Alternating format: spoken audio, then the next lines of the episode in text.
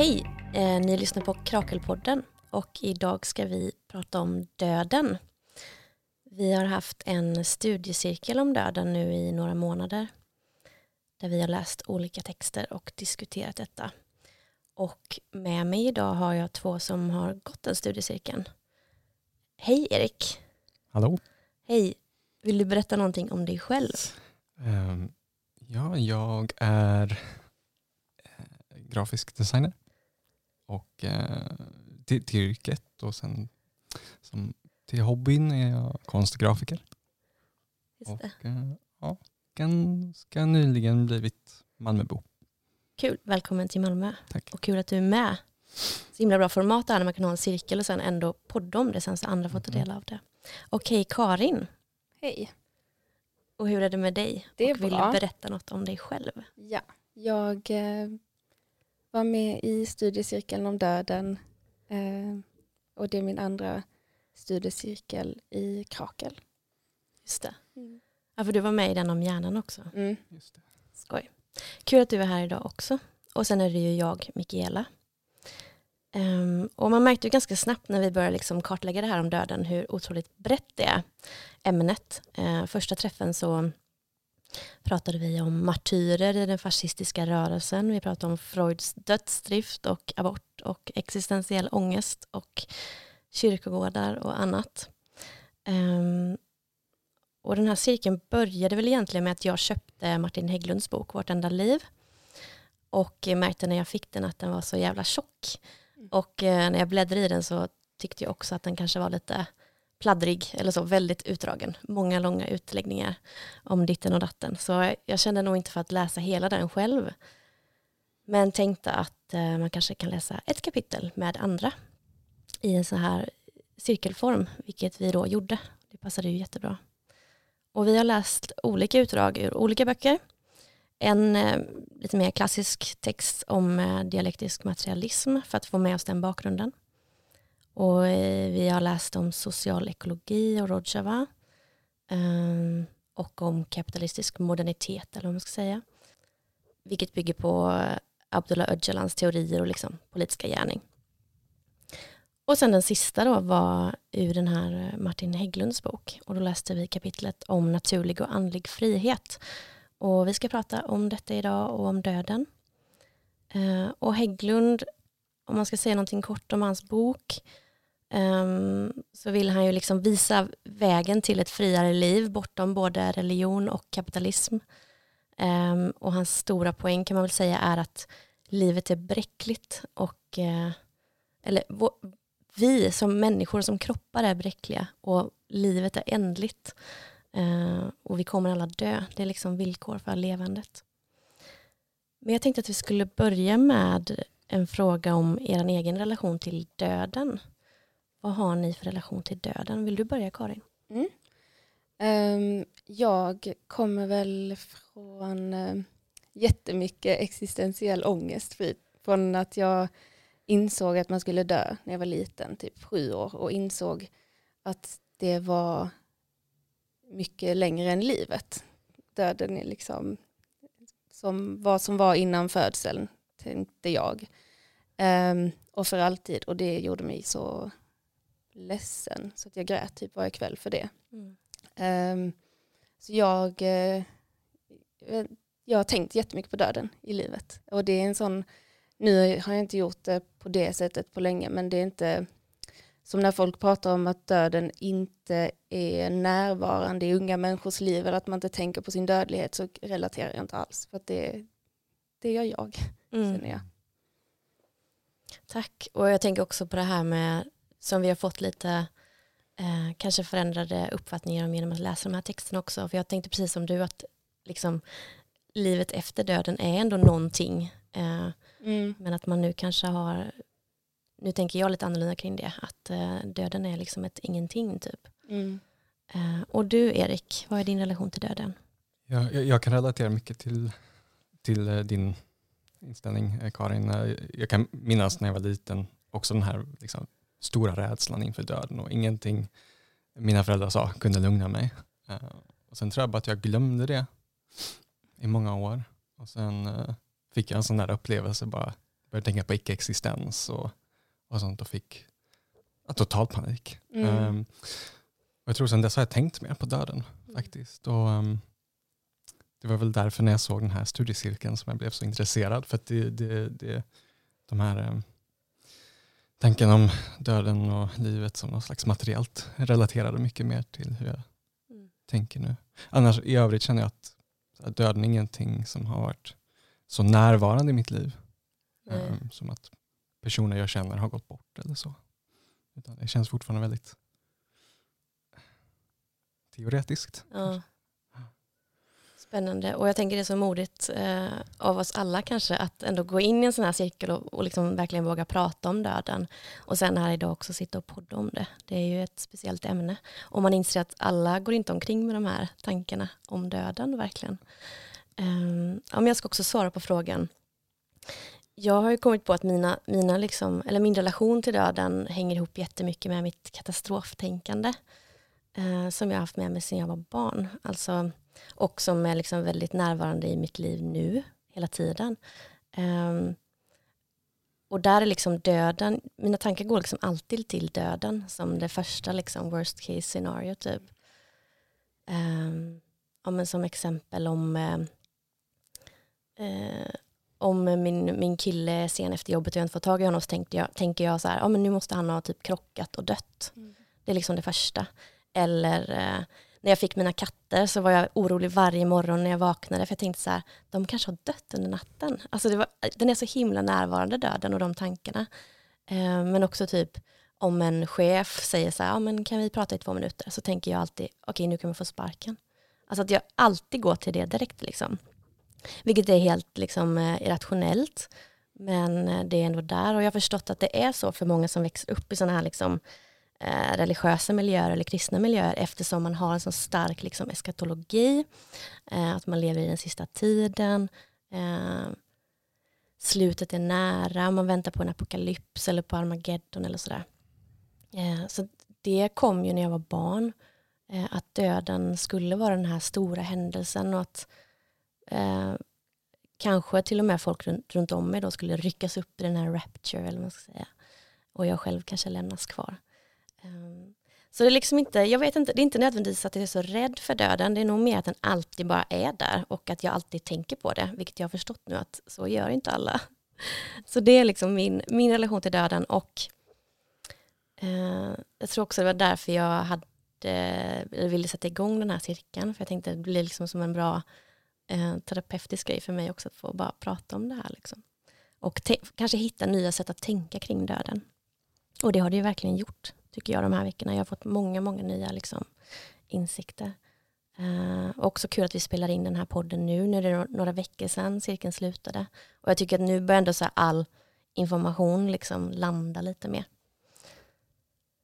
Yes, men om vi dyker in i, i um, Hägglunds text. Vi har ju läst ett kapitel, så vi kommer liksom inte få någon slags hel, uh, hel bild av, uh, av hans bok. Uh, vi har läst den som heter Naturlig och andlig frihet. Eh, men det finns ju otroligt mycket stoff bara i det här kapitlet. Ehm, och Hägglund pratar inte om naturligt versus socialt som man ofta gör utan om naturligt versus andligt eh, då som begrepp i relation till frihet och vi ska gå in på det först tänkte jag. Eh, och en av hans stora poänger är ju att människan särskiljer sig just eftersom, eftersom hon kan vara andligt fri då. Ehm, men Erik, skulle du vilja börja med att beskriva vad skillnaden mellan naturlig och andlig frihet är? Ja, Jo, men som jag förstår det så, så ser han väl det som att naturlig frihet är, liksom, om vi säger att det är det vi, vi har gemensamt med djuren. Eh, så att vi, vi har bräckliga kroppar, vi behöver överleva, så att vi gör olika aktiviteter för att fortsätta leva, så här, äta, socialisera en grupp, undvika faror och sådär. Djur har ju liksom möjligheten att ta beslut, så här, ska jag fånga den här, han tar exemplet med en, en mås, liksom, ska jag äta den här fisken?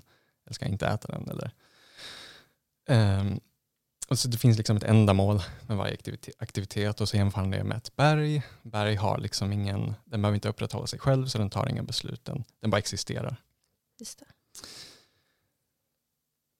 Och det viktiga i det här är väl också att hela tiden hur vi och djur uppfattar världen med våra sinnen också i det vi liksom baserar våra beslut på. Men där det skiljer sig och där andlig frihet kommer in är att eh, måsen eller vilket djur den är, den, den frågasätter ju inte varför den ska äta eller varför den ska sova eller vad är poängen med det hela. Um, och den andliga friheten kommer i att börja fundera över det. Att det finns inte bara att det här borde jag göra, det finns även ett borde jag, borde jag göra det här? Ja, dub- varför? dubbelbord. Varför? Ehm, och eh, sen så går han väl in på liksom hur, det, det är lite mer komplicerat än så. Ja. Liksom att bara ifrågasätta det. Utan sen finns det ju normer som styr utanför det. Så det är väl det där varför kanske som är det som skiljer Ja. naturlig Mm. andlig frihet. Um, men också så här, möjligheten då att utforska det. I och med att det finns Mm. inga svar. Uh, det finns väl svar på att borde jag äta? Ja, annars dör jag. Men, Precis. eh, Man kan helt enkelt, alltså att livet blir en fråga. Man kan ifrågasätta sin tid och eh, fråga varför gör jag det här? Och också göra annorlunda. Eh, om, man skulle väl kunna säga att eh, ja, men mina katter är naturligt fria. De, har, de ägnar sig åt självupprätthållande aktiviteter, men inte bara. De har också ett överskott av tid och de kan liksom göra andra grejer. Men de har, har inte det här varför eller vad borde jag göra med min tid? Eh, och att det är det som är det andliga då. Mm. Eh, och jag tänker på att ni båda idag också har lyft liksom att ni hade den här existentiella ångesten. Att det kanske också är liksom en förutsättning för det här andliga. Eh, jag tänker att Hägglund skulle tycka att ni är verkligen andligt fria som har den här typen av existentiell ångest eller kris eller så. Mm. Eh, för att det, i det finns ju ett ifrågasättande av liksom ens eh, livsvillkor och omgivning och sådär. Ja, jag har tänkt på det. För han precis pratar om det som en, ehm, att man är fri om man har den här eh, ångesten. Men jag tänker också att man måste, för att bara ångesten hjälper ju inte så mycket. För då kan man vara paralyserad och bara tänka vad borde jag göra, vad är bäst, vad är rätt. Men att ha ångesten och sen komma fram till eh, olika saker liksom genom livet. Det är väl det, och det pratar han ju också om, att man Mm. eh, utvecklar sina olika identiteter och, och den här båten. Som, vad- kommer ni ihåg? Eh, Just det, Ja. förrättsbåt va? Förrättsbåt. Jag gillade den för den kändes lite förlåtande för det var så här, vi är ute på, det, det handlar om då att ens jag är, kunde man se som en båt som är uppbyggd av olika beståndsdelar och plankor och allt vad som finns. Och den är ute på havet och om du vill, ehm, jag kommer inte på orden. Eh, förändra kanske hur du lever Ja, eller, precis. eller förändra dig själv, För- utveckla dig själv. Precis, om du vill utveckla dig själv och förändra det, kanske din syn på saker, så, så kan du inte bara ta in båten på land och bygga om den, utan du får ta bort en planka, men det är liksom eh, allt det sker efterhand. Mm. Eh, och upprätthållandet av den här båten måste, den måste fortfarande vara intakt för annars går det under. Jag tyckte det kändes lite förlåtande att man kan liksom man kan ändra sig och eh, inte kanske ha alla rätt liksom, Mm. på en gång utan man eh, försöker byta ut plankor på det bästa sättet Mm. för alla. Mm. Att det sker successivt, liksom Mm. ens eh, utveckling under livet också. Mm. Eh, att det inte ofta blir en helt radikal förändring kanske, utan att den blir mer pö om pö. Och att man måste använda de delar man har inom sig för att bygga upp sig själv på nytt. Liksom. Mm. Eh, men verkligen. Det går inte att göra en total makeover. Exakt. Och sen pratar han ju såklart mycket då om att eh, det är liksom vårt ändliga liv som också blir villkoret för att vi ens eh, kan förstå det som ett liv. Att vi, vi kommer dö. Ehm, men om man ska sammanfatta den här andliga friheten så är det väl som du sa Erik, att, Erik, att vi, vi har liksom materiella bräckliga kroppar, vi har ett ändligt liv, vi har en medvetenhet kring döden eller kring vår dödlighet och att vi har liksom en negativ självrelation skriver han. Ehm, och du pratar ju om ett annat ord under cirkeln Karin, metakognition. Mm. Som Mm. är, det är ju i princip tankar om tankar. Det är tankeprocesser om ens kunskap. Um, och ja, tankar om tankar kan man bara sammanfatta det enkelt. Som ligger, det är ju grunden för uh, andlig frihet. Mm. Att vi tänker på vad vi tänker och att Mm. vi liksom förhåller oss till oss själva. Mm, typ. ja, precis. en medvetenhet kring det. Mm. Så det är den andliga friheten då, enligt eh, Hägglund. Och det finns ju väldigt, väldigt många teman i den här andliga friheten som vi kommer röra vid idag. Eh, och vi återkommer till det också, eh, om naturen och döden och, och djur och liv och allt vad det är. Men jag tänkte att vi skulle börja med tid också. Eh, för som jag sa innan så är det ju eh, en förståelse av att vi ska dö som på något sätt blir eh, villkoret för vårt levande. Och mycket av Hägglunds teser handlar ju om relationen till tid. Eh, att inse att vi har begränsad tid och bli medvetna om det. Och sen kunna forma den här tiden. Och han tänker ju då att hur fri man är beror på hur mycket tid man har och om man kan bestämma över den tiden. Det blir liksom måttstocken. Och jag tänker att här finns ju också en parallell verkligen till kampen om tiden som är så central i liksom kapitalistisk kritik. Um, och att det är det som konfliktlinjen i kapitalismen handlar om. Uh, kampen om tiden. Uh, en kapitalist eller en ägare eller så vill alltid att du ska jobba så länge och så mycket som möjligt medan en arbetare såklart vill jobba mindre och kortare dagar. Det är liksom konfliktlinjen. Marx kallar ju kapitalismen och lönearbetet för nödvändighetens rike. Till skillnad då från kommunismen som han kallar för frihetens rike. Vilket ju är en relevant parallell här också. Och vad, vad tycker ni? Är det intressant att prata om tid? När man pratar om frihet. Ja, det tycker jag. Ehm, jag tycker det är intressant. Jag tänkte på det när jag lyssnade på um, den där podden häromdagen om digital kapitalism. Just det.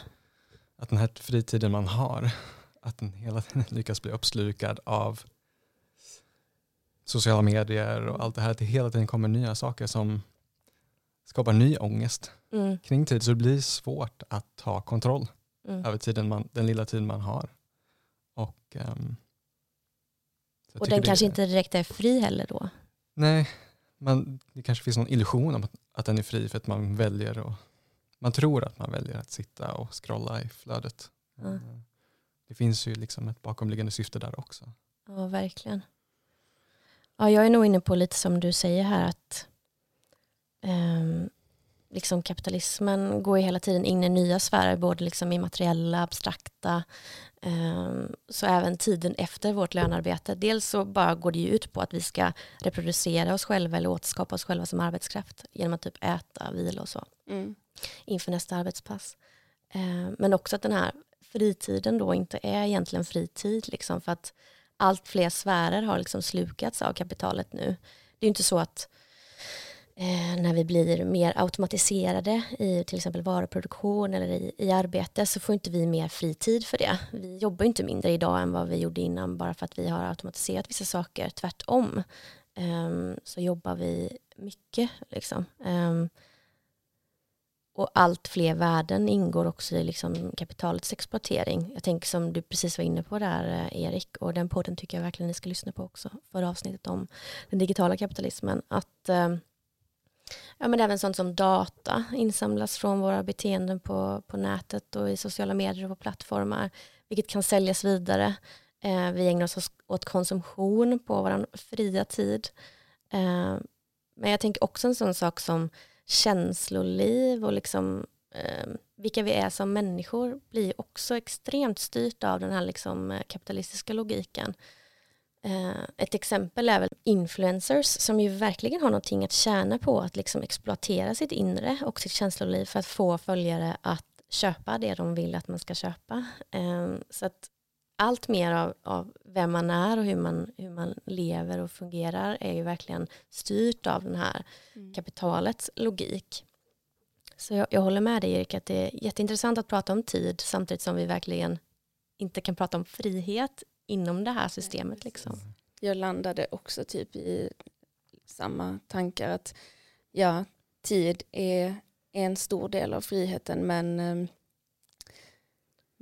man måste också, ja, man är inte fri i eh, sin fritid om man inte är 100% andligt fri, som Martin skulle kalla det, om man, om man gör eh, aktiviteter som är liksom, om man kan göra aktiviteter som är medvetna och upprätthålla eh, sina identiteter. Mm, just det. Och det kan man inte eh, riktigt som det ser ut nu. Och det ställer också extremt höga liksom, individualistiska krav på en att hela tiden eh, styra ja. över sin fria tid, göra Gud, medvetna ja. val, bestämma och sådär. Mm. Eh, som någon slags rationell, förnuftig varelse. Mm. Kan också nämna en essä som jag verkligen vill rekommendera eh, att läsa av Adorno som heter Free Time. Eh, jag tror han skrev den på 60-talet. Eh, och den handlar just om det vi är inne på att om han menar att vi, vi är liksom inte fria utanför lönearbetet eftersom den tiden går ut åt reproduktion och konsumtion. Eh, först producerar vi på arbetet och sen är det konsumtion och reproduktion. Eh, men även en sån sak som hobbys liksom, eh, blir produktiva och ska liksom, man ska tjäna på sin hobby och så vidare. Eh, och han pratar om överorganisering av ens fria tid. Mm. Och säger till exempel att organized free time is compulsory. Mm. Så att, ja, det är många som har gjort de här kopplingarna innan att kapitalismen äger liksom vår tid och vårt enda liv. Eh, vilket såklart ju är intressant när man pratar om döden då också. Men kan ni tänka er, för nu tänkte jag jättemycket på frihet och vad skulle det innebära? Kan ni liksom, har ni en idé vad det skulle innebära för er själva? Att vara fria, mm. bra fråga. I typ en utopi eller? Ja. ja. Eller ja, det, det låter som en utopi. har ni läst den här boken The Dispossessed av Ursula K. Le Guin? Nej. Den, den, kortfattat så handlar den, det är en science fiction-bok om eh, några revolutionärer som, som lämnar en planet för att starta ett nytt samhälle på den här planetens måne. Och de etablerar någon slags uh, anarko-kommunistiskt samhälle. Liksom. Och jag har alltid tyckt att de lever väldigt kargt och hårt. Det är inte så nice. Men å andra sidan har de ett system där man jobbar typ två veckor med, bara för att hjälpa till med produktion av mat och sånt. Mm. Och sen så resten av tiden får de ägna åt att bara forska eller konstnärligt arbete eller umgås och sånt. Alltid tänkt att det är, det är min idé av frihet på något sätt. Ja. Mm.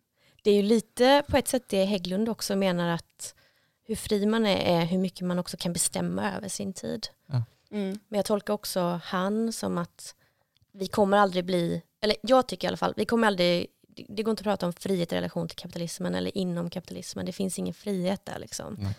Utan det handlar om att omdana hela systemet. Och som du säger, kanske skapa ett helt, helt nytt samhälle med nya liksom, produktionssätt och så. Men bra fråga Karin. Vad, hur ser man sig själv som fri? Det är ju inte hur mycket tid man har, tänker jag ändå. Mm. Det, är ju liksom, det blir ju en skala på något sätt. Man är ju mer fri Såklart. och ju mer tid man har. Mm. Ja.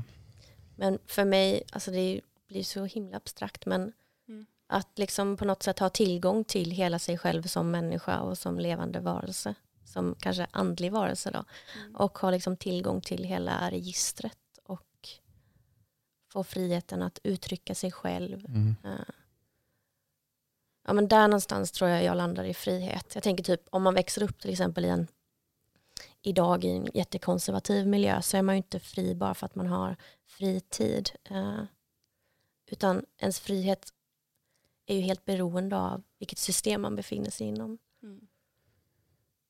Vad, vad, tycker du själv Karin? Hur har du, du tänkt kring frihet?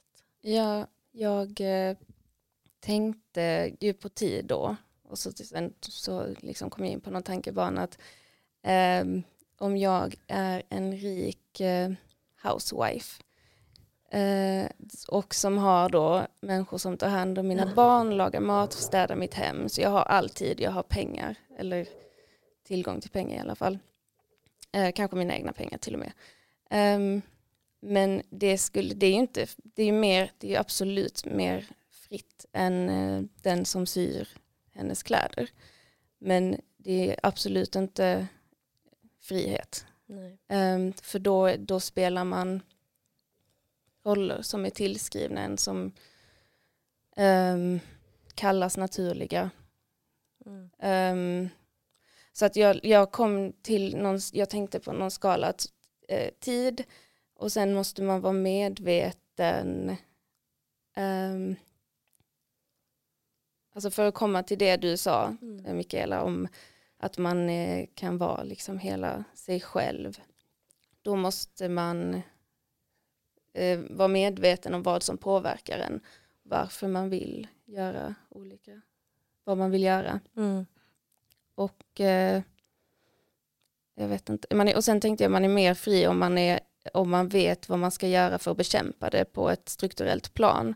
Och sen är man ännu mer fri om man har bekämpat det Mm. och kommit dit du var. Typ så tänkte jag. Eh, men jag tänker det är jätteintressant det du säger nu Karin. Eh, för det sätter också fingret på någonting att våran frihet kan ju inte vara på bekostnad heller av någon annan. Eh, utan vi förhåller oss ju alltid till varandra. Och det pratar ju också Hägglund om, alltså den här omsorgen. Så jag tänker kanske att omsorg kan vara nog ett mer intressant begrepp än att prata om tid när man pratar om frihet. Ehm, för att precis som du säger, även om jag har tid och kan ifrågasätta den tiden, jag kan bestämma över min egen tid, så kan jag också i den tiden exploatera andra eller liksom bestämma över andra eller så. Så att, um, att förståelsen för att vi förhåller oss till varandra tror jag också är väldigt viktigt för att förstå frihetsbegreppet. Liksom. Uh, och just den här omsorgen och kontakten och så är ju någonting som många feministiska författare skriver mycket om, till exempel Federici som jag brukar nämna. Uh, som ju pratar mycket om hur nedvärderade de liksom, uh, värdena är också idag. Alltså omsorg, empati, kontakt, närhet, äldreomsorg. Så himla konstigt ja, Mm. att det är det. men också förståeligt med tanke på systemet. Oh ja. Mm. Ehm, Eftersom kapitalismen hela tiden då värderar vad som är ett värdigt liv och hur Mm. vi ska leva våra liv och att människan ändå är till syvende och sist arbetskraft eh, som ska producera eh, och då är det den som är funktionsduglig och liksom ung och ja. Så då alla de andra värdena eh, får ju stå tillbaka då för den här för kapitalismens liksom eh, process. Nej, men, Ja, för, förlåt. Kör. ja. Nej men det är så mycket, det är så mycket snack om self-care och sånt. där. Och det är, alltid, det, det är alltid riktat mot en själv.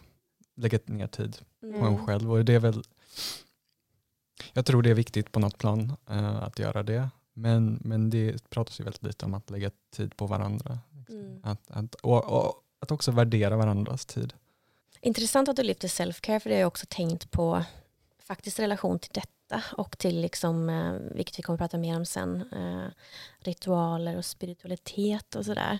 För jag tänker ändå att typ en sån sak som self-care många är liksom väldigt um, inne på hudvård och har tusen olika rutiner kring detta och ritualer. Liksom. Eh, och att jag tänker att man försöker hitta någonting som man inte hittar i kapitalismen. Alltså, mm.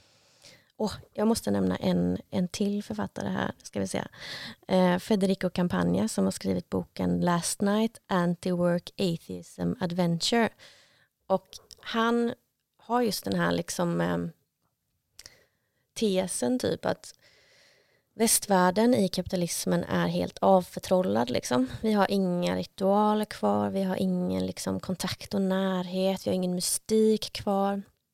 Eh, och då försöker människan hitta liksom den, eh, ritual eller repetition eller vad man ska kalla det. Och gör det då genom arbete.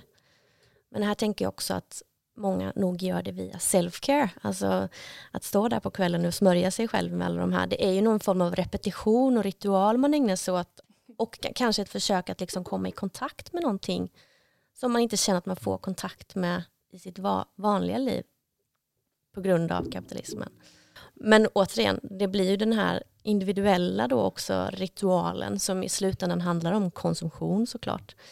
Men eh, om jag tolkar det snällt så tänker jag också att det handlar om just den här få kontakt med sig själv, eh, ägna sig åt någon typ av ritual varje dag. Eh, sånt som vi inte gör så mycket längre kanske.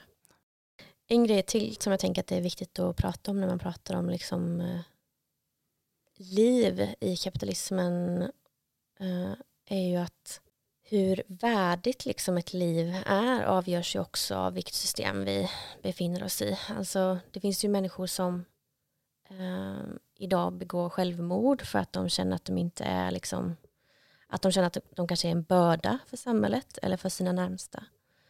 Eh, jag tänker också på en sån sak som aktiv dödshjälp. Vi så bisarr att liksom analysera helt isolerat och så här, ska vi ha aktiv dödshjälp eller inte? Utan att se till det stora, stora perspektivet att det kanske är extremt svårt att ha en sån sak i ett samhälle där eh, hur produktiv du är avgör hur värdigt liv du har. Eh, vilket gör att människor känner sig som bördor om de inte lyckas leva upp till det här. Då kanske det inte heller blir en rimlig sak att ha system som liksom avgör vem som får leva och vem som får dö och sådär. Eh, och det tycker jag också är värt att liksom lyfta i den här diskussionen om liv och död just för att mm. kapitalismen har historiskt liksom fått bestämma vilka som får plats i det här systemet och vilka som inte får plats. Eh, ja, men jag tänker som under den liksom tidiga kapitalackumulationen när de bara så wiped out typ urfolk, svarta kvinnor mm. som inte fick plats i kapitalismen i den liksom otroligt vita monokultur eh, västerländska så systemet. Eh, och till exempel dödsstraff som också är historiskt kopplat till brott mot privategendom och sådär. Så att det finns så himla mycket kring det, här också, vem som, vem som får lov att leva och vem som måste dö eh, styrs så mycket av vilket system vi har. Mm. Det, det var jätteintressant tyckte jag också med dödshjälpen.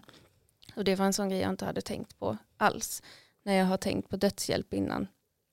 Eh, men att det är klart att det är att man värderar eh, personens liv, alltså värdig, värdighet till liv i systemet. Och det, ja, nej, det var bara intressant. Eh, ja, jag har inte, inte tänkt på det så egentligen. Att, eh, eller jag hade alltid tänkt, ja, men, så här med dödshjälp på något plan borde man väl ha rätten att välja liksom, sitt, sitt livs tidsomfång. Eller så. Mm. Men som såklart de faktorer som avgör om man vill leva mm, är man ju inte i kontroll Nej. över. Um, det, har blivit så, det har blivit så rörigt också, alla typer av värderingar kring mm. döden, om man säger från kapitalismen, från kristendomen. Liksom, det finns ingen ja, så här, ja, men dödsstraff i jämförelse med eh, abortmotståndare eller ja, dödshjälp. Att det är alltid, vem bestämmer vem som får mm. leva och vem som får dö? Mm. Nej, det finns ingen logik i det. Sammanhängande logik. Nej, jag hade, jag hade tänkt också så innan på dödshjälp, att såklart att man ska hjälpa människor att avsluta deras liv om de mm. eh, vill det, inte i alla lägen. Men eh, ja, det, det har jag verkligen tänkt till om nu efter att jag läste denna. Mm. Ja, precis. Att den, den fria viljan är ju trots allt inte så fri kan man väl säga.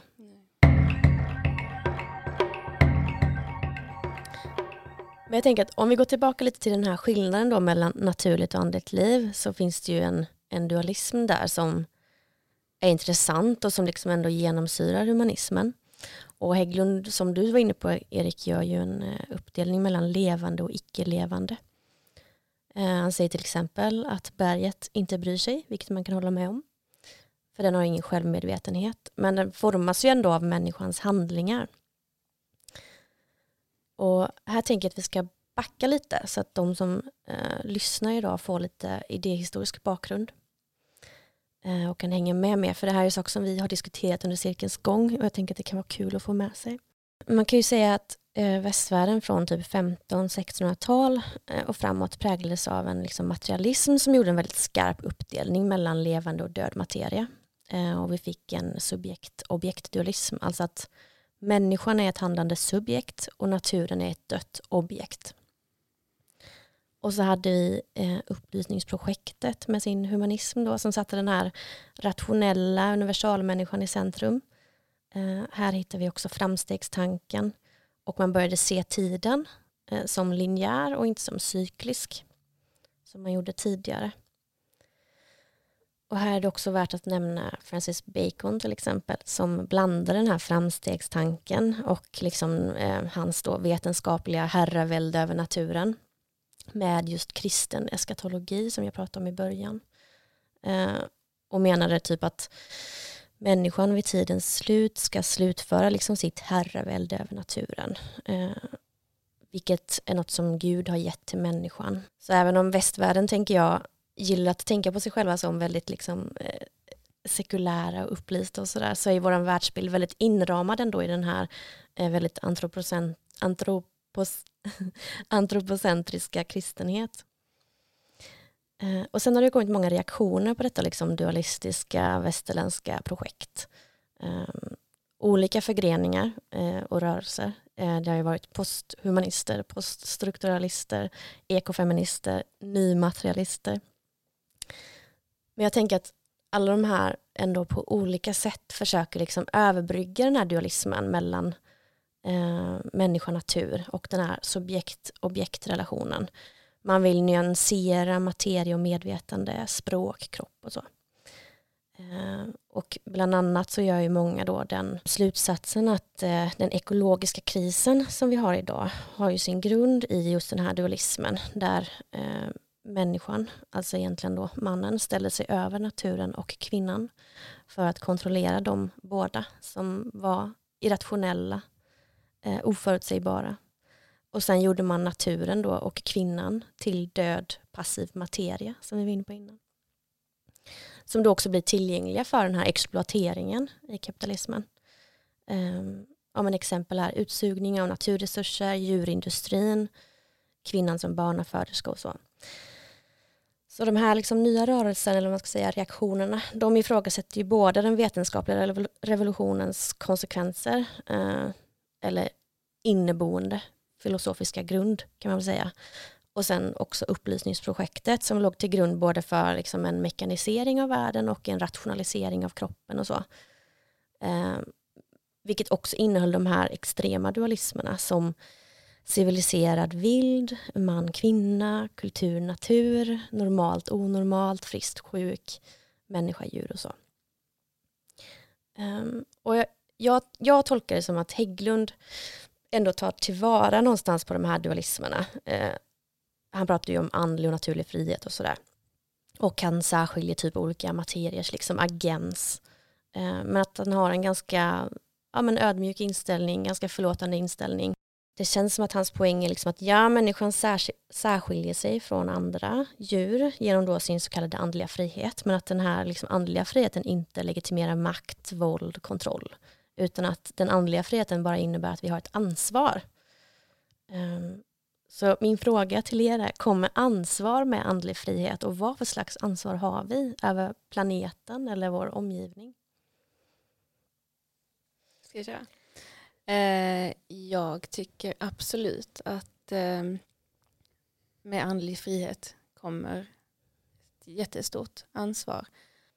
Nej, men jag tänker också att såklart har man något, något form av ansvar. Kanske i förhållande till hur, ja men till viss del till hur mycket tid man har att fundera över, över det här. Jag tänker, att, att utforska de här frågorna också. Men i, och den tiden den får man utifrån vilken typ av position man fått mm. i samhället. Mm. Mm. Jag tänker så bara utifrån mitt egna perspektiv att jag kan känna att jag har ett ansvar för att på många sätt har jag det väldigt bra. Liksom. Ja i förhållande till andra människor.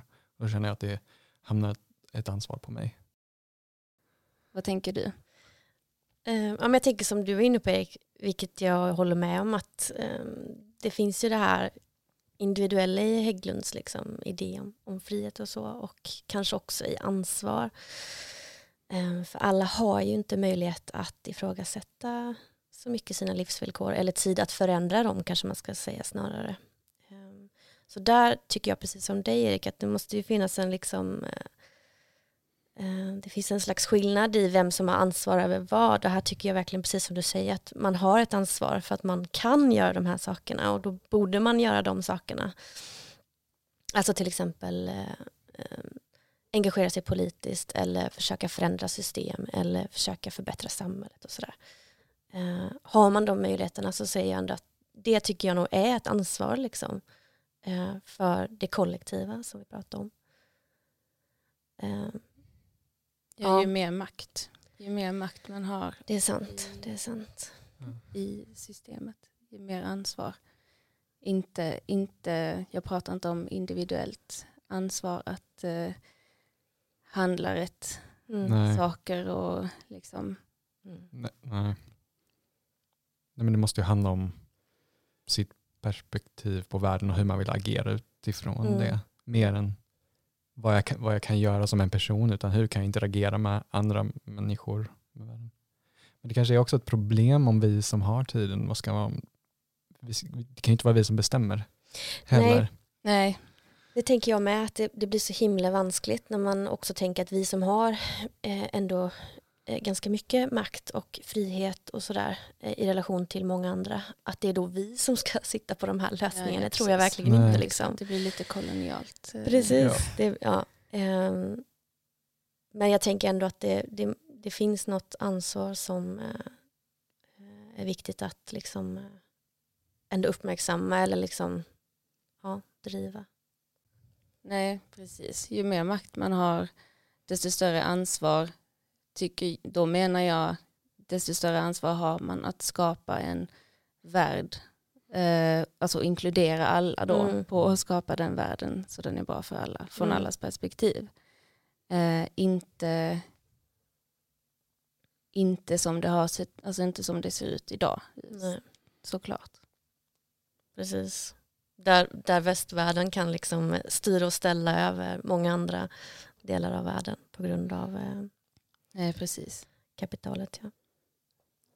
Ja, men jag tyckte det var intressant att, att han tog upp det här, men i och med att vi har valmöjligheten till exempel då att, att inte äta djur så är det ju värt att tänka över då. Jag tycker det är en intressant fråga i och med att jag har valt sedan några år tillbaka att inte äta djur. Och det är också som många andra klimatfrågor någonting som har liksom kommersialiserats Ja. till en hög grad, veganism, liksom, till en livsstil. En, moral, en, ett, En moralfråga. en moralfråga och, jag, och det kände jag det var väldigt avtändande bara att ens tänka på det, Ja. prata Ja. om det. Men, men jag har börjat läsa lite om till exempel um, marxistiska perspektiv på, på eh, eh, vad heter det? inte djuret, eh, animal liberation. Ja, och insåg att ja, men det är såklart man kan tänka kring det här också utifrån Verkligen. Eh, liksom matproduktion och miljöfrågor och, och, och också liksom rätten till ett liv eh, för alla varelser, alla organiska ting Ja. och icke-organiska ting. Ett berg förtjänar Ja. att inte urholkas för mineraler. Liksom. Just det, det är ju en bra poäng. Även, jag tänker det är väldigt viktigt att inte, ehm, eller jag känner inte att det är så här superintressant att göra sådana här skarpa uppdelningar mellan levande och icke-levande och så, för att vi är ändå alla del i samma kretslopp och jag tänker att om vi har den synen på icke-levande, eh, alltså på ett berg då till exempel, att det inte skulle på något sätt ha ett eget eh, det legitimerar också att vi verkligen eh, påverkar berget på sätt som eh, eh skadar planeten som helhet. Eh, Ja, men genom skövling, exploatering och så vidare. Så att där tänker jag att det är viktigt ändå att kanske ja, inte se icke-levande saker som levande, eh, men åtminstone se dem som del i vårt levande eller del i ett kretslopp eller del i liksom en viktig, eh, viktig cirkulär tid faktiskt istället för den här då linjära, linjära tiden. Vad, eh, vad betyder cirkulär och linjär tid?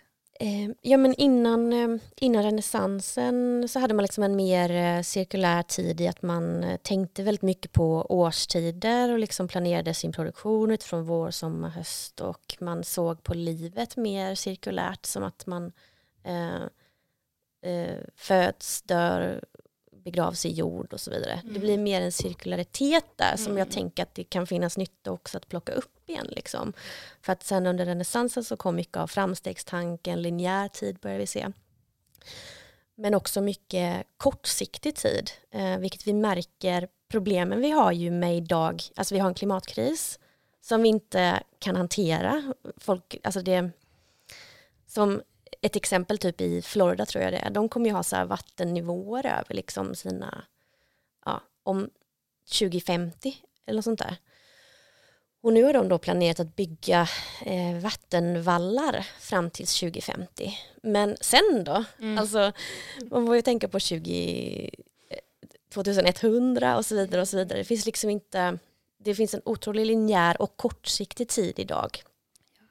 Eh, vilket blir så då bisarrt när man tänker på klimatkrisen att eh, ja, vi ser oss inte som del i ett kretslopp som bara kommer fortsätta och fortsätta utan vi tänker mer i den här framstegstanken och eh, linjärt, vilket mm. jag tänker är ett stort problem. Liksom.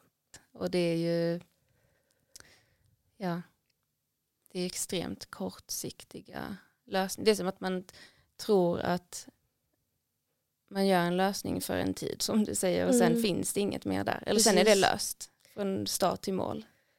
Och det kanske också är för att de som gör de besluten, de kommer vara döda då. Mm. Alltså mm. inom 50 år. Mm. Och de tänker, ja, ja men då blir det nästa generations problem. Liksom. Jag gör det jag kan under min livstid. Mm. Eh, vilket också gör att man frånkopplar sig själv jävligt mycket ansvar. Eh, när man inte tänker längre än sitt eget liv. Liksom.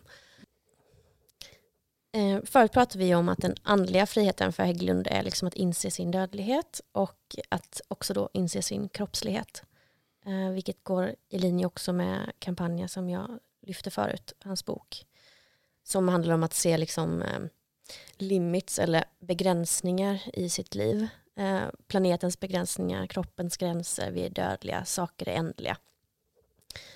Och Hägglund själv då, han är ju kritisk mot religion som vill så att säga befria oss från livet eller ge oss evigt liv.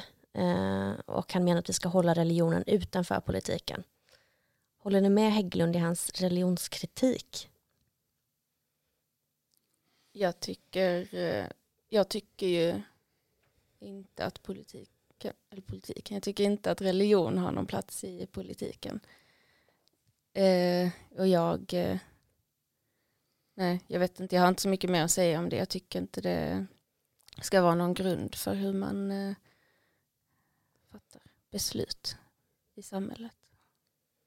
Vilket den ju ändå är idag. Alltså kristendomen är ju väldigt eh, närvarande, vilket vi märker i abortfrågor och så vidare mm. i olika katolska länder och så. Så att eh, ja, den är ju en del egentligen av politiken. Den är det. Mm. Det är fel. Vad säger du Erik? Jag vill, jag vill nog säga att jag, jag tycker att religion borde hållas utanför, men jag, tyck, jag tänker att det är, det är alldeles för komplicerat för det är, religion betyder så mycket. Eh, religion betyder så mycket för så många människor. Um, och det finns ju ändå, men som du säger, dels religion kommer med i politiken vare sig vi vill det eller ej och speciellt i andra länder. Och eh, det jag är ändå alltid ganska fascinerad över vissa liksom, delar av, säg som i kristendomen, det finns ju ändå så här eh, frihetsteologi eh, från Sydamerika, liksom, som är väl på något sätt att en socialistisk form av eh, kristendom, religion. Alltså det finns ju ändå i religion kanske punkter där vi kan mötas. Mm. Och det är, jag vet inte om det är mer konstruktivt mm. än att typ vara väldigt liksom, hårt nej, det här har ingen plats. Utan om man hittar sin liksom, motivation i det och det är inte för att skada andra människor. Ja, jag är inte emot eh, alltså att människor är religiösa. Men jag tycker att det är jag, jag tycker inte att det är en bra grund för det som alltså, var, en, jag tycker att man ifrågasätter vad, vad är, eller varför tycker varför borde denna lagen finnas eller varför, hur vill vi bygga upp samhället? Um, det känns som man kopplar liksom bort ansvaret och um, fokus från människorna på jorden om det är kopplat till regler som finns i eh, religion. Mm. Så tänker mm. jag. Men uh, absolut, religion är ju hjälper människor individuellt eh, Mm. och förtrycker ju många. Mm. Ehm, men eh, så det, det är mer, jag tycker inte, jag, ty, jag tycker inte riktigt att det har någon plats i beslutsfattande. Nej. Ja, det är en komplex fråga. Mm. Jag tyckte det var intressant också att man skulle kanske kunna använda det mer konstruktivt som du säger, att hitta de här gemensamma grunderna. Men då tycker jag ju också att en sån sak som kristendomen behöver omformas väldigt mycket, i alla fall den kristendomen jag känner till, för att det ska kunna hända. Ehm, ja, men jag håller med Hägglund i mycket av hans religionskritik och det är faktiskt det jag tycker är det starkaste i detta kapitlet.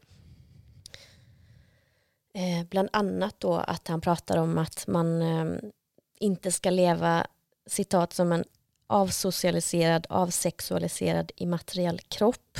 Eh, och jag tänker att det han menar med det är att ehm, det många religioner går ut på är liksom att transcendera det här materiella, alltså kroppen, köttet och liksom nå någon slags sinnlighet eller andevärld eller så. Vilket är extremt dualistiskt i att separera kropp och själ på det sättet och någonting som jag tycker man märker av väldigt mycket i kristendomen då och verkligen eh, på ett väldigt praktiskt faktiskt sätt när man växer upp att det ändå är något slags mål i det där att separera sig själv från sin kropp, förtrycka kroppen och så. Vilket såklart blir superproblematiskt när man tänker på att kvinnor då historiskt har kopplats ihop med just kropp. Eh, vilket gör att hon inte heller kan transcendera den här kroppen som män kan göra. Eh, så där, det tycker jag är ett bra och starkt argument för liksom, eh, mycket av teologin i religion som jag tänker är väldigt problematisk. Där jag tolkar då Hägglund som att den här andliga friheten måste vara att leva som en materiell kropp. Att man är kött liksom. Eh, det är andlig frihet och jag skulle nog kanske inte själv kalla mig själv för andligt fri. Jag vet inte, jag har lite problem med det ordet men mm just att få leva som materiell kropp är ändå för mig någon typ av frihet. Liksom. Eh, plus att jag håller med honom i det här tidsperspektivet som han tar upp och eh, det var nog det som fick mig att få största ha-upplevelse i det här kapitlet när han säger typ att ett ändligt liv går inte att förstå som ett liv. Eh, det är liksom, du behöver döden för att liksom förstå ditt liv som ett liv. Vilket jag då också nu fattar jag varför man hade ångest som barn. För att jag tänkte att när jag dör så kommer jag antingen till helvetet eller himlen för evigt. Det är liksom där jag ska vara i en evig tid och det gav mig panik. Liksom.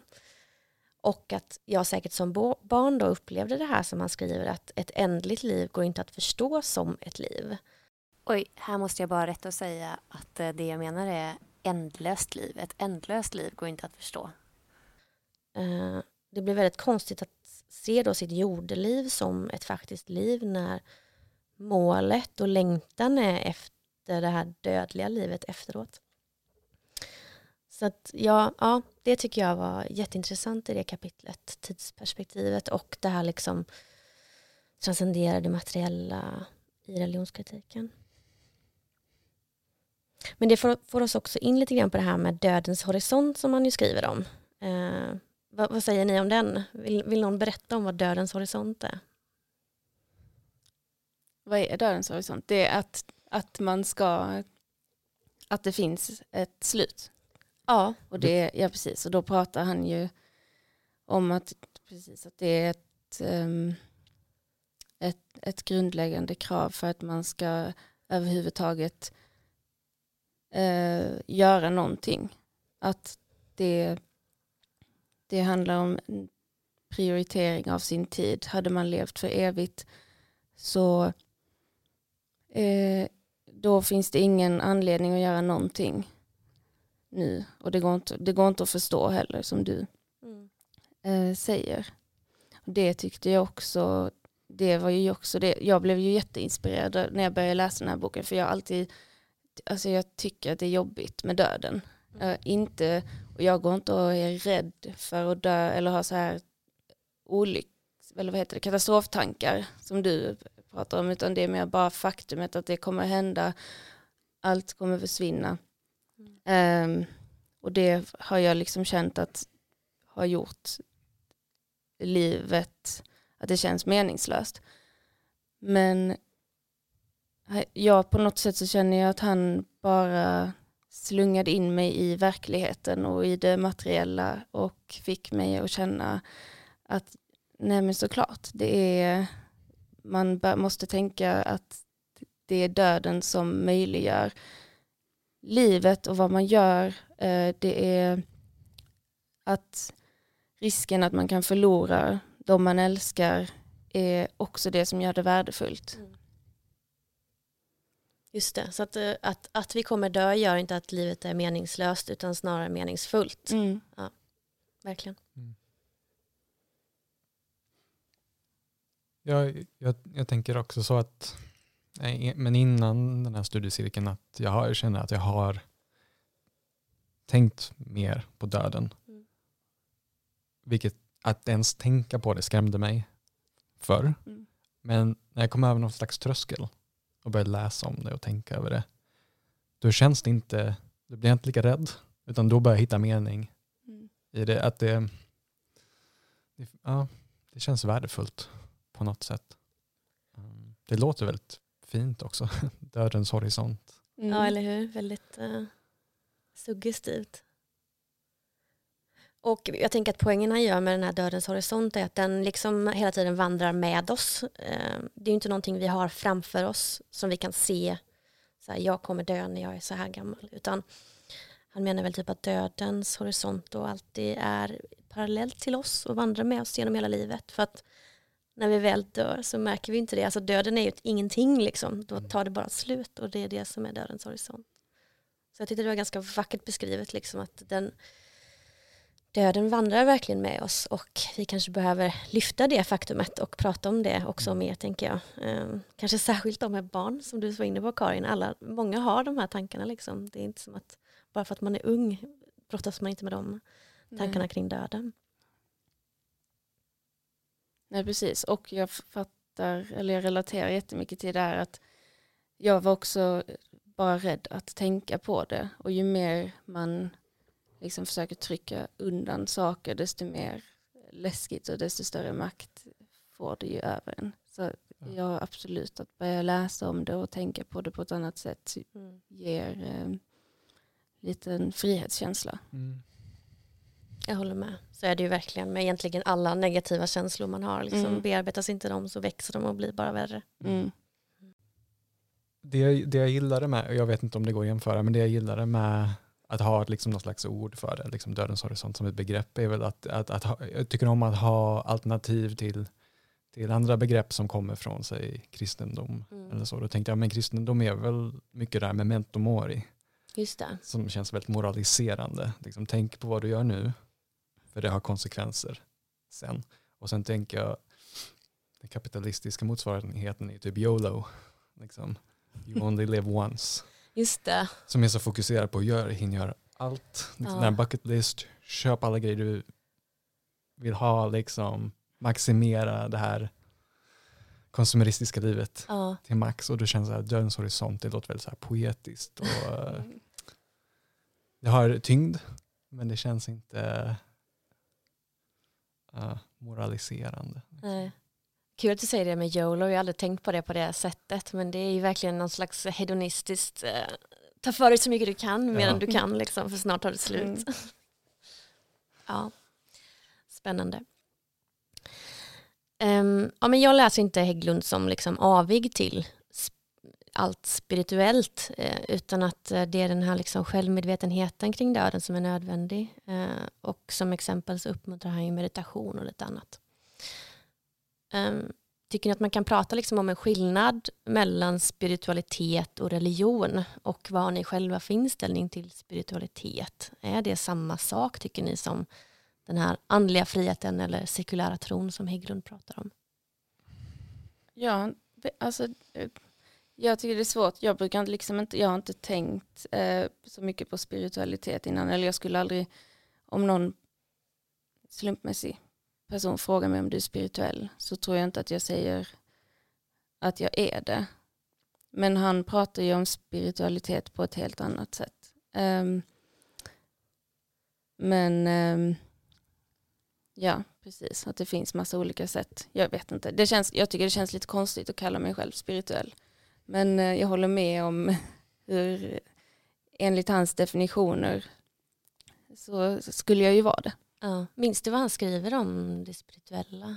Eller hur Mm. han definierar det? Han, han pratar ju om eh, mer om eh, spiritual freedom Ja, just det. och eh, att det är egentligen det man har väl om man har då andlig, Mm. andlig frihet. Andra, just det. Mm. Så jag tänker att hela eh, och sen ja, om meditation, att spirituella aktiviteter. Det, visst under studiecirkeln, det var någon som tog upp det här med, lite, var lite skeptisk kring använden, användningen av ordet andligt. Ja. Andligt, spirituellt, det är typ eh, synonymer. Ja, jag, jag tänker väl ungefär Ja. det. Ja. Eh, och, och jag tänker att det ligger mycket där i någon slags här reaktion först, att det känns lite konstigt. Spirituellt, det låter som ja, men, något religiöst. Så. Mm.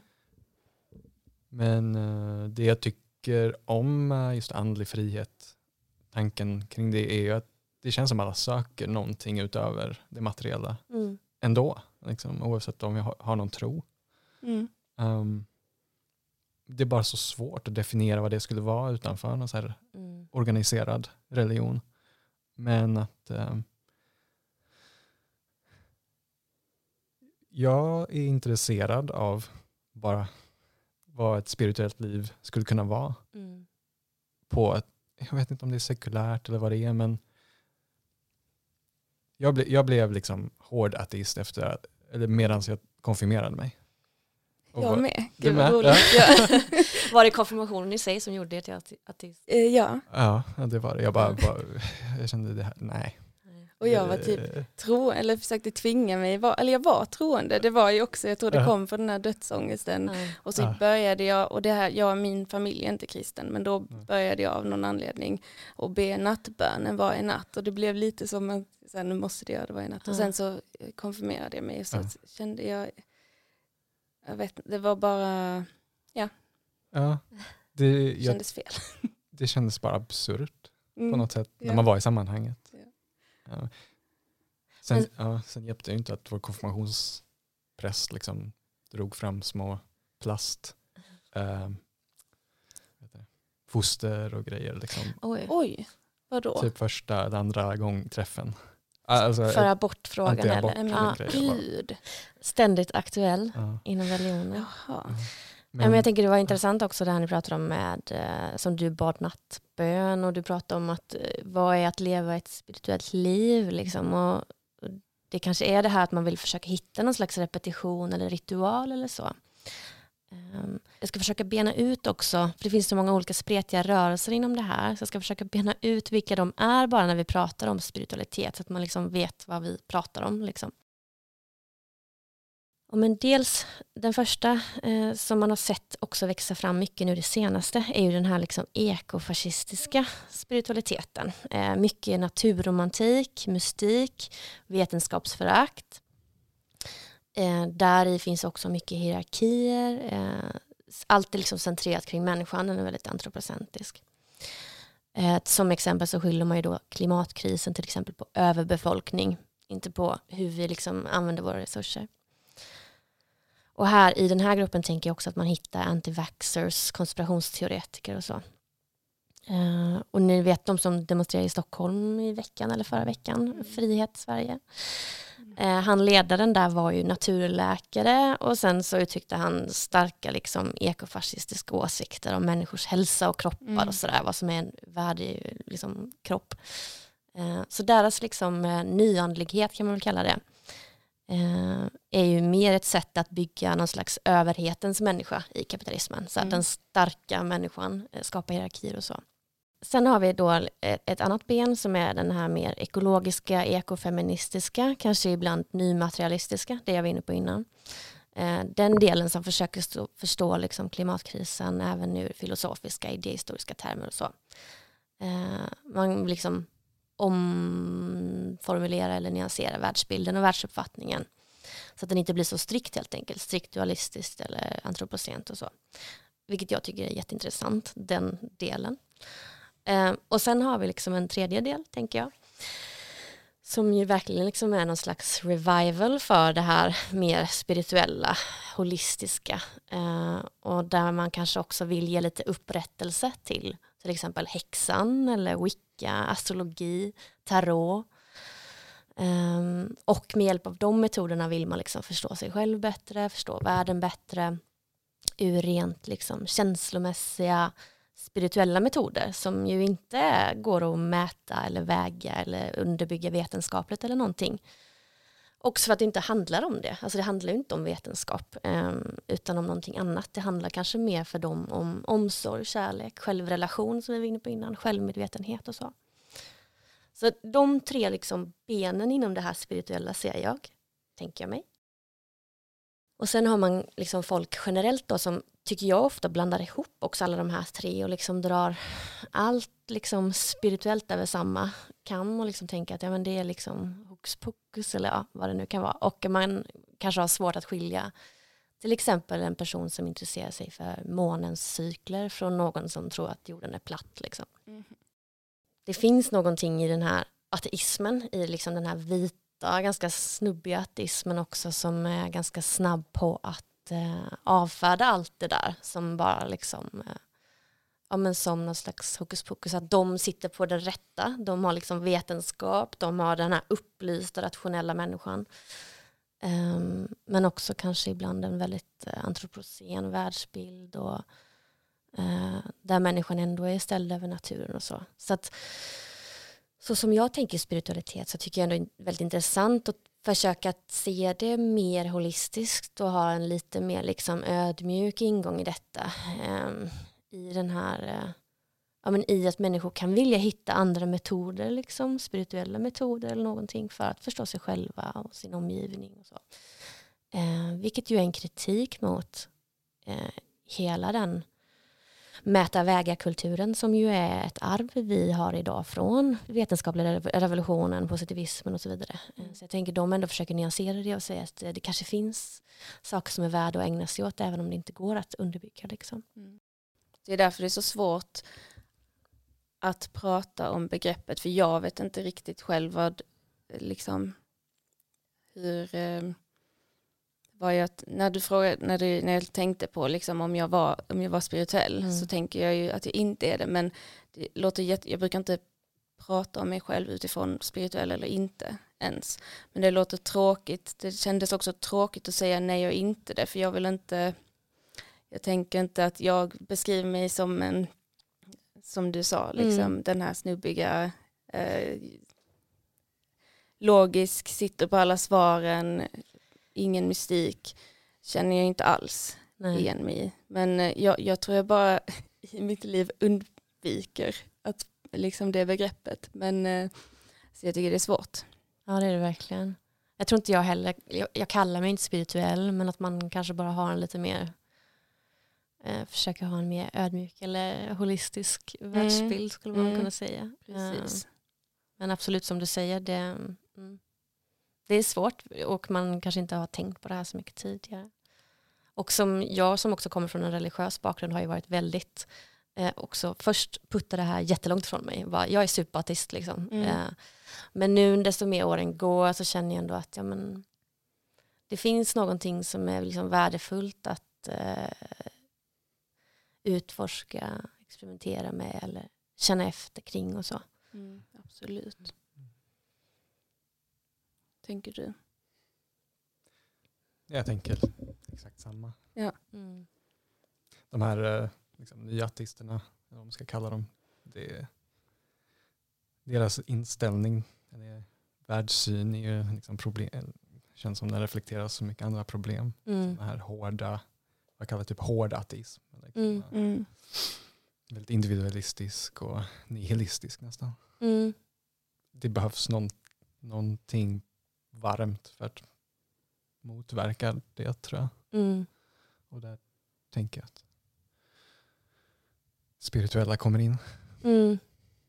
Eh, också tänker jag mycket på att eh, kristendomen i sig är ju verkligen en religion också som har ägnat väldigt, väldigt många år eh, åt att utplåna oliktänkande eller utplåna spiritualitet, polyteism, eh, örtmedicin, häxor, paganism och så vidare. Både i sina liksom missionsprojekt och koloniala projekt och sådär. Så att eh, kristendomen tänker jag också ligger bakom verkligen att driva fram den här sjuka liksom, monokulturen kring hur vi ska se på, på naturen, oss själva och sådär. Um, så ja, det är kanske också därför jag är lite ödmjuk inför det, att det, det, finns väldigt många människor som bara inte har fått plats, liksom, som har ägnat sig åt de här frågorna, sakerna, eh, metoderna, eh, spiritualiteten genom alla tider, som sen bara eh, utplånades. Och, eh, mm. ja, men en, en till liksom, sak som jag tycker är viktig att lyfta är ju när vi pratar om det här med vetenskap och så, att eh, vetenskapen har ju också historiskt liksom kommit till slutsatser eh, som idag inte är vetenskapliga. Alltså att till exempel svarta är lägre stående än vita eller att eh, prostituerade ska steriliseras eller så. Eh, och så har man paketerat det här som någon slags objektiv sanning typ utan att förstå att vetenskapen finns ju också i en kontext och den påverkas också av sin ideologi och också av vilka som styr och eh, finns i den. Liksom. Så det är det jag tänker tror jag med den här spiritualiteten versus vetenskapen eller vad man ska kalla det. Att det måste liksom finnas eh, rum för mer subjektivitet i levandet. Eh, allt är inte liksom mätbart, kvantifierbart, objektivt och så. Utan att saker faktiskt är döljda eller subjektiva, abstrakta, föränderliga. Och att de här polerna behöver liksom hitta ett sätt att finnas bredvid varandra, sida vid sida. Och till exempel kanske en sån sak som astrologi då fyller den funktionen för människor att, eh, att hitta hitta mer subjektivitet i sitt levande än vad kapitalismen kan liksom erbjuda. Man ska säga. Eh, eller ge dem en glädje som liksom inte ryms eh, i det vanliga. Ekorrhjulet, lönearbetet och så vidare. Eller, eller nödvändighetens rike som vi pratar om. Ja, så jag tänker att mycket liksom av det spirituella har gått förlorade i kapitalismen och fortsätter gå förlorade i kapitalismen. Så det kan ändå finnas en idé att liksom prata om det, plocka upp det, nyansera det, eh, vara ödmjuk inför det. Eh, ja, men det, ja, det är en komplex och bred fråga såklart. Vi börjar ju gå mot eh, slutet av det här poddavsnittet nu. Eh, det har varit ett jätte, jätteintressant och fint samtal med er verkligen. Eh, så kul också att ni vill vara med idag. Um, jag tänkte avsluta med att fråga kring liksom vilken lärdom eller insikt som ni tar med er från den här läsningen eller från cirkeln i helhet. Och så. Men som jag sa innan så har jag upplevt att det finns ett värde av att eh, tänka på döden och nu har jag också förstått att det finns ett stort värde av att prata mm. om döden med andra. Um, det finns uh, det här talesättet typ vi föds in i världen ensamma och vi dör ensamma. Jag känner på något sätt att det är ju inte sant. Nej. Det är ju vi, det är en kollektiv sak, döden. Och det är något politiskt och något värt att prata mer om. Ja, verkligen.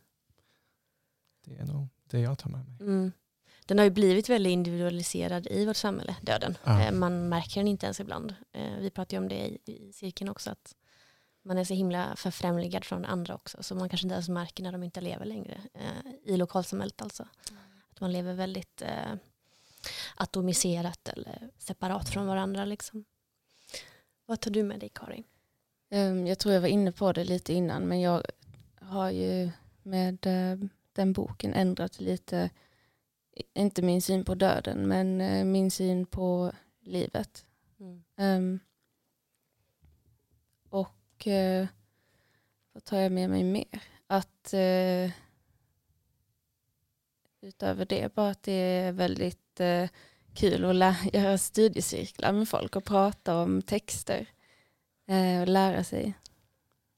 Visst är det. Man får ut så mycket liksom genom att bara lyfta det med andra. Mm. Tack, det har varit jättefint att ha er med. Um, jag tar med mig massa av det vi har pratat om idag såklart. Kanske framförallt det här om, på ett sätt om det spirituella, att det liksom kan vara ett sätt att leva mer, mer förtrollat i en så avförtrollad kapitalism. Ehm, men också att det finns kanske nytta i att försöka överbrygga en ehm, liksom, ehm, objekt, subjektdualism mellan natur och människa.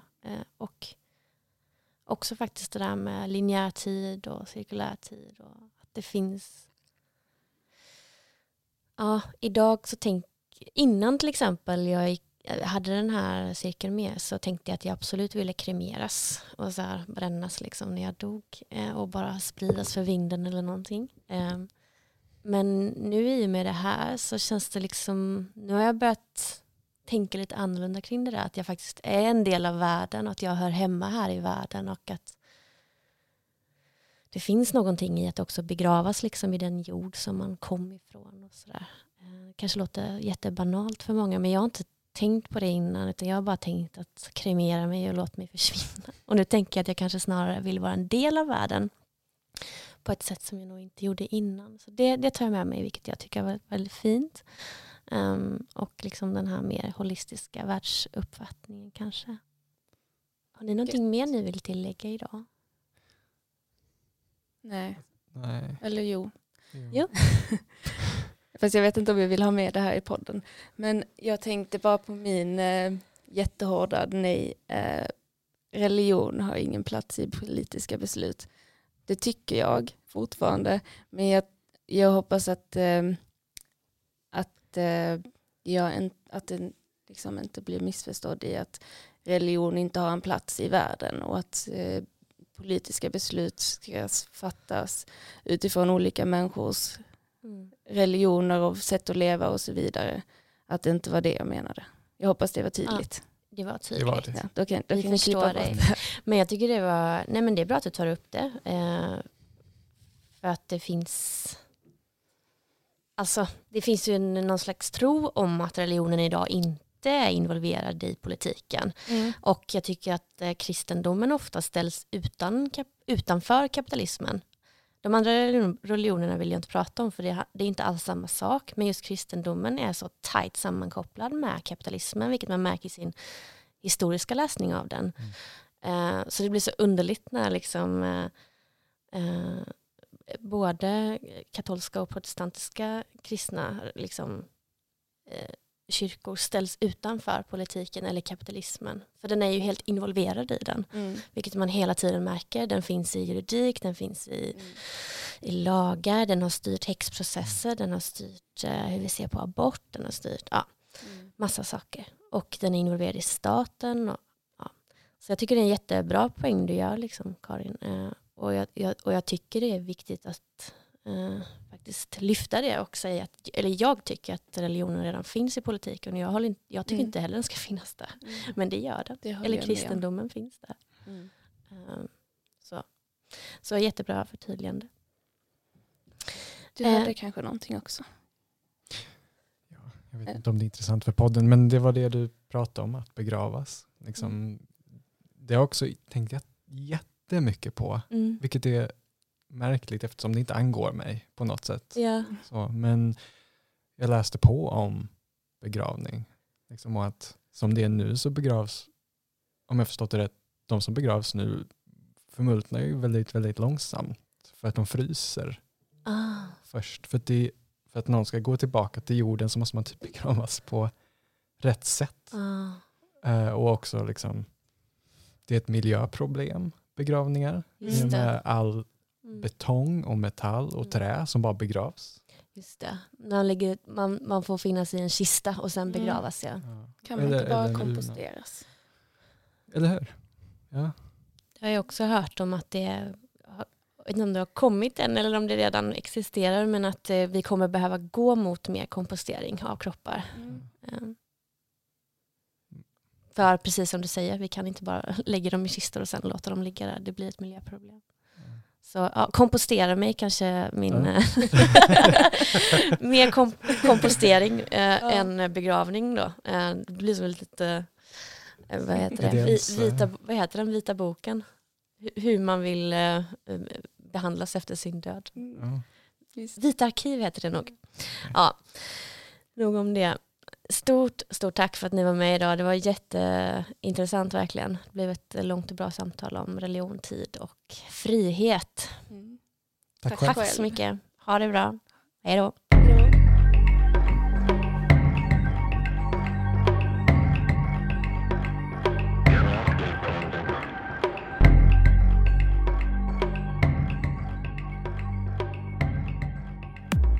Du har lyssnat på en podcast som görs i samarbete med ABF Malmö.